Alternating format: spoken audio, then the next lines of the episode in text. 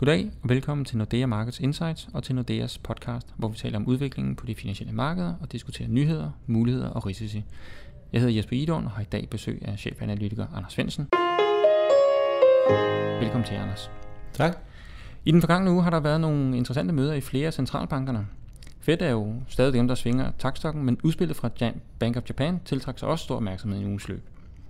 Fed kom jo ikke med den øh, rente i, i september, vi, øh, vi ventede lidt. Øh, kommer den så i december? Jeg tror ikke, øh, jeg tror ikke, der var så mange, der ventede, at den ville komme allerede i den her uge. Øh, ifølge øh, de fleste analytikere, så, så var der en klar forventning, at om man først skulle komme i, i december, og også markedet lå, lå i høj grad til, at, øh, at det ikke skulle være på det her møde. Men alligevel så var der selvfølgelig en, en risiko, og der må man sige, at der, der leverede Fed øh, nogenlunde som, øh, som forventet, i og med at de, de ikke gjorde noget i den her uge, og sådan øh, signalerede sådan nogenlunde tydeligt, at, øh, at der nok kommer en renteforholdelse i, øh, i december. Og det tog markederne jo relativt øh, pænt imod, må man sige. Vi har haft øh, positive aktiemarkeder mere eller mindre lige siden øh, det her møde. Hvilket jo godt kunne øh, indikere lidt, at der var den her frygt for, at de måske ville, øh, ville komme med enten en, en renteforhøjelse, eller i hvert fald noget mere højeagtig retorik. Øh, og det, det gjorde de altså ikke. Og det kunne jo for eksempel være på grund af, af præsidentvalget, øh, som, øh, som kommer her i, i november. Fed har jo prøvet flere gange i, i det forgangne år at, øh, at love, at nu kommer der renteforholdelser, og så efterfølgende, så, så sker der et eller andet på markederne, som gør, at de må ud i den helt store rygkrål, og alligevel ikke kan, kan sætte renten op. Og det er nok øh, det, de tænker den her gang også. Øh, hvorfor love december, og så kommer der det her præsidentvalg, og hvis Trump vinder, jamen, så kommer der formentlig til at være en eller anden form for panik på markederne, og så vil de alligevel skulle, øh, skulle undlade at hæve i, i december. Så de venter, og så tror jeg, at efter præsidentvalget, så bliver det lidt mere øh, klare i, i mailet. Der var jo heller ikke 100% enighed i FOMC øh, omkring timing af renteændringerne. Er der en, er der en splittelse i, øh, i FOMC?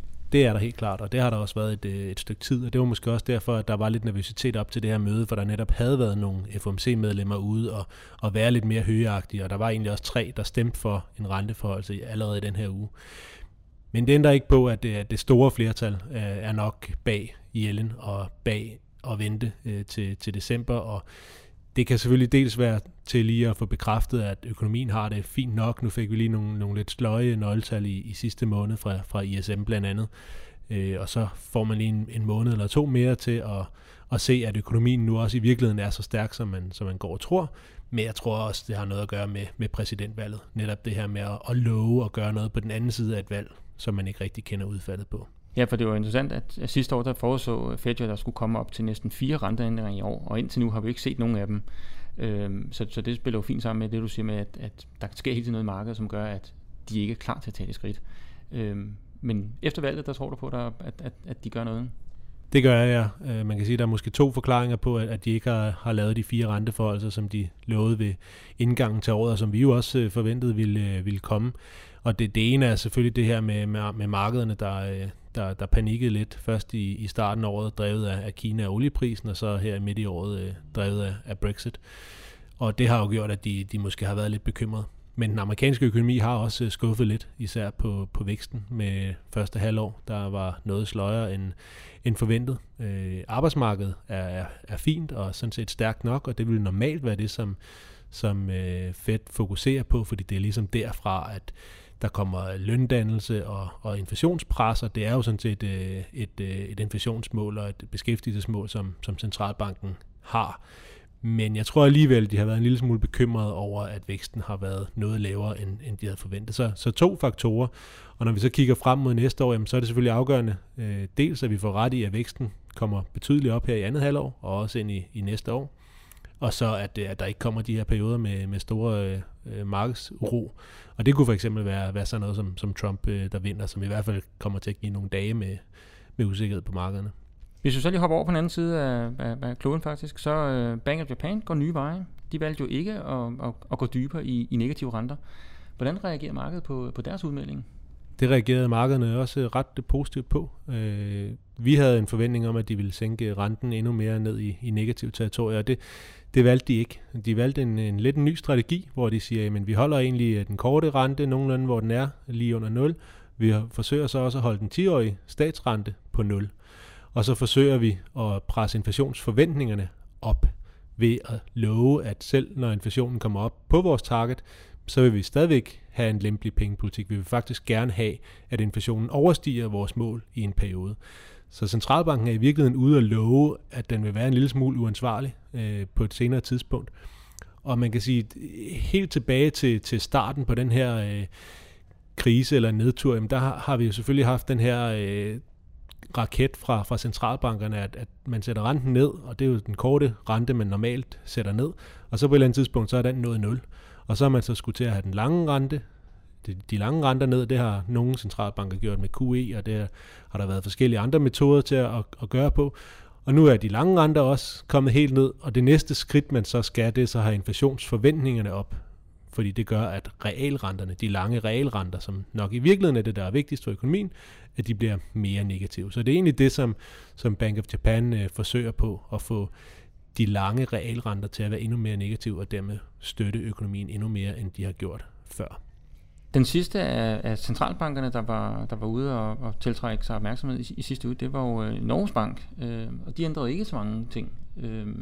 Nej, de var ved at være færdige med at sætte renten ned, øh, sagde de. De øh, har jo den her rentebane, som de offentliggør, som i virkeligheden er deres forventning til, til dem selv øh, hvor de øh, ligger 20% øh, sandsynlighed for, at de kommer til at sætte renten ned i december, og 20% sandsynlighed for, at de kommer til at sætte renten ned i, i marts. Så ikke, ikke ret stor sandsynlighed, og, og de siger også i deres øh, pressemeddelelse, at, at de regner med, at renterne kommer til at være uændret herfra. Økonomien bliver på ingen måde stærk nok til, til renteforholdelser, men, men de er formentlig færdige med at sætte, øh, sætte renten ned. Og det kommer nok af, at økonomien har fået det en lille smule bedre. Nøgletallene over sommeren har været, har været betydeligt bedre end, øh, end, end forventet, og øh, både på, på vækst og arbejdsmarked ser det i virkeligheden øh, mindre dårligt ud nu, end, øh, end det har gjort. Så var der også øh, det russiske valg, som, som jo lige var i, øh, i sidste uge, som vi lige kort nævnte øh, i, i, i en sidste podcast. Øh, Putin vinder, øh, måske ikke overraskende, det, det russiske valg, og får yderligere øh, 105 sæder i Dumaen. Hvad skal han bruge den magt til? Ja, det er et rigtig godt spørgsmål. Man kan sige, at han havde sådan set øh, magten alene i forvejen. Øh, og det her valg, det, det cementerer sådan set bare hans magtposition. Altså United Russia, som er, er hans parti, de, øh, de vinder stort og, og bevarer det her flertal, som endda er stort nok til at kunne ændre forfatningen, hvis det er det, de vil. Så, så en 100% øh, magt stadigvæk til, øh, til, til Putin. Hvad skal han bruge den til? Jamen, jeg tror egentlig ikke, han kommer til at bruge den til ret meget på den her side af et præsidentvalg det her valg til Dumaen, det er måske i virkeligheden ikke øh, så afgørende. I hvert fald ikke så længe, at det bare er, er Putins parti, som, øh, som, som sidder på magten, og de gør alligevel bare, hvad, hvad, hvad Putin siger. Det vigtige valg, det bliver i, øh, i 2018, hvor der er præsidentvalg. Og så længe det ligger ude i horisonten, så tror vi egentlig ikke, at han kommer til at ture gøre noget som helst, der kan rokke ved, øh, ved det nuværende, den nuværende opfattelse af ham. Så øh, vi kommer til at, at, at se en, øh, en russisk øh, præsident, som, som stadigvæk vil være rimelig rundhåndet med, øh, med at sørge for, at, øh, at der kommer penge fra, fra staten ud i befolkningen, så alle synes, han er, han er dygtig, og vi kommer også til at se en, en Putin, som stadigvæk vil være forholdsvis aggressiv, tror jeg, på, på udenrigsområdet, fordi det er ligesom også med til at, at samle den russiske befolkning om, øh, om ham som, som den stærke leder. Så flere billeder i bare overkrop på hesteryg, for eksempel. ja, det kunne man godt forestille sig, at kunne komme. Øh, næste uge øh, sker der også en masse øh, interessante ting. Øh, der er jo der er møder i OPEC for det første. Øh, en, en enkelt ting, jeg synes er interessant, det er, at Rusland sætter jo nærmest nye rekorder for produktion af, af olie. Prøver de at kapre nogle øh, markedsandele, eller handler det om at holde nogle andre øh, ude af markedet? Der er rigtig mange af de her store olieproducenter, der producerer alt, hvad de overhovedet kan. Og det handler nok om, at de er presset på, på hjemmefronten. Olieprisen er jo stadigvæk lav, også selvom den er kommet op fra de niveauer, vi havde i, i starten af året. Og kigger man på, på det russiske budget for eksempel, jamen så, så skal de jo have væsentligt højere oliepris for at få det hele til at løbe rundt. De er i gang med at, at bruge deres, øh, deres oliereserve, deres valutareserve, som de jo selvfølgelig har bygget op i perioder med høje oliepriser, det er de nu begyndt at bruge til at, at hjælpe økonomien i gang. Så alle de her olieproducenter, de er sådan lidt i, i, i knæ, og det gør, at de producerer på, på livet løs.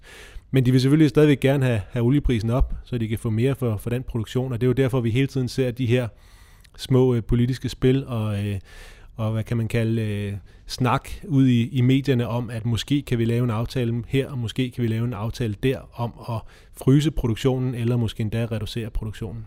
Ja, for, for Rusland er jo ikke det eneste land, der, der pumper løs. Altså Iran pumper også løs nu her, efter embargoen er blevet løftet på dem, så de vil jo også gerne ind og have deres del af, af, af markedet. Det giver jo lidt problemer i forhold til Saudi-Arabien. Helt sikkert, og det er nok øh, årsagen til, at vi ikke får den her produktionsreduktion. I foråret der var de jo nok rimelig tæt på at lave en aftale om at reducere produktionen, men, men Iran ville ikke være med. De havde lige fået lov til at sælge deres olie på, på markederne igen. Og hvis Iran ikke skulle reducere deres produktion, så vil Saudi-Arabien heller ikke reducere deres produktion, og Saudi-Arabien sammen med, med Rusland, det er de to største producenter, og så er der ikke nogen, nogen aftale. Øh, tidligere på, på den her måned, der har vi så haft den her aftale mellem, mellem Rusland og, og Saudi-Arabien, som i hvert fald sådan lige øh, indledningsvis i hvert fald lød til at være, være meget fin, men, men der var ikke rigtig nogen, øh, nogen detaljer om, hvad, hvad man egentlig skulle gøre. Øh, så, så vi tror egentlig ikke, der kommer det helt store ud af det her møde på, øh, i næste uge. Men, øh, men det kan da godt være, at de, de kommer med en aftale om at, at fryse produktionen på de nuværende niveauer. Det klinger selvfølgelig bare lidt hult, når de alle sammen producerer alt, hvad de overhovedet øh, kan, og ikke har ret meget øh, kapacitet til at producere mere, end de gør nu. Og så aftale, at man ikke øger produktionen. Det, det, det, det virker ikke ret troværdigt, og det kommer heller ikke til at få nogen stor betydning for, for olieprisen. Der skal formentlig en, en produktionsreduktion til for at, at få olieprisen op, og det, det, det tror vi ikke kommer det lyder som om, at de, det bliver et interessant møde i OPEC, og se om de overhovedet kan, kan, kan nå til enighed der. et andet, øh, måske lidt mere øh, karismatisk møde, der skal foregå i, i, i, i næste uge, det er jo Trump og Hillary, der skal tørne sammen i en, øh, en tv-debat. Øhm, vil det have nogen effekt på, på markedet? Altså kan, kan, kan den debat simpelthen skabe noget, noget volatilitet på markedet, eller sende nogle signaler? Det tror jeg bestemt, det kan, og det bliver rigtig, rigtig sjovt at se den her første præsidentdebat. Og det er jo desværre klokken 3 natten til tirsdag vores tid. Så, så det bliver enten en, en lidt hård tirsdag, eller også så bliver det noget, der skal ses uh, senere. Men, uh, men det er klart, at, at vi har set uh, tidligere i USA, at de her præsidentdebatter, de kan virkelig flytte uh, meningsmålingerne. Og lige nu er de tæt, og der er rigtig mange svingstater efterhånden, der har Trump til at, at føre. Og vi har haft uh, lidt helbredsproblemer hos, uh, hos Hillary, så det er meget tæt, og det her øh, den her debat i næste uge, den har i hvert fald potentialet til at kunne flytte meningsmålingerne kraftigt i den ene eller den anden retning. Og uanset om det bliver den ene eller den anden retning, så kommer det til at have en betydning for, for markederne. Det er klart, at markederne de foretrækker bestemt uh, Clinton, som det ser ud lige nu, fordi det er det, man ved, uh, hvad man, man ved, hvad man får. Med Trump, der, der er der ikke rigtig nogen, der ved præcis, hvad, hvad der kommer til at komme ud af det. Det lyder som om, at det skal, det skal nok blive meget underholdende at se næste uge. Hvis vi lige skal runde øh, generelt øh, markederne af lige nu, øh, er der noget øh, interessant, vi lige skal, skal runde her til sidst? Øh? Jeg synes stadigvæk, vi er i en, øh, en, en venteposition. Øh, risikoappetitten er egentlig forholdsvis pæn, og det har vi også set efter de her øh, to-tre centralbanker, som, som enten er, er mindre højeagtige end, end ventet, eller, eller fortsætter med at, at, at lempe som i, i Japan. Så, så aktiemarkederne har det egentlig stadigvæk forholdsvis, øh, forholdsvis godt. Vi har set lidt, lidt stigninger, men det, det er ikke sådan, der er ikke sådan for alvor nogen trend. Det er, det er lidt mere sidelæns med, med et op- og nedtur. Det samme gælder egentlig de, de lange renter. Efter de var kommet, kommet lidt op, så er de også øh, kommet, kommet klart ned igen. Så, så mere sidelæns på, på de lange statsrenter. De store valutakryds ligger også øh, mere eller mindre uændret. Måske er dollaren svækket en lille smule efter det her rentemøde i, i Fed. Og det, jeg tror, der kommer til at, være lidt, uh, lidt sjov i næste uge, det bliver nok olieprisen, fordi der vil være noget spekulation op til det her uformelle OPEC-møde, er det i virkeligheden øh, i Algeriet, om hvorvidt at der kan komme en eller anden form for aftale, og det tror jeg egentlig godt kan presse, presse råvarepriserne op i, i starten af, af næste uge. Men, men indtil videre, så er råvarepriserne i virkeligheden også fastløst i det her forholdsvis snævre range, som vi har haft i, i lang tid. Okay, vi får se, hvad, hvad den her uge byder på. Uh, tak for nu, Anders. Selv tak. Hvis du vil vide mere om, hvad der rører sig på de finansielle markeder, kan du finde vores research og vores analyser på nexusnordea.com og vores podcast på insightsnordeamarkets.com.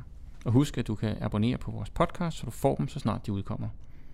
Og så kan du som altid besøge os på LinkedIn og følge vores analytikere på iTunes og Twitter. Tak for denne gang, og på genhør.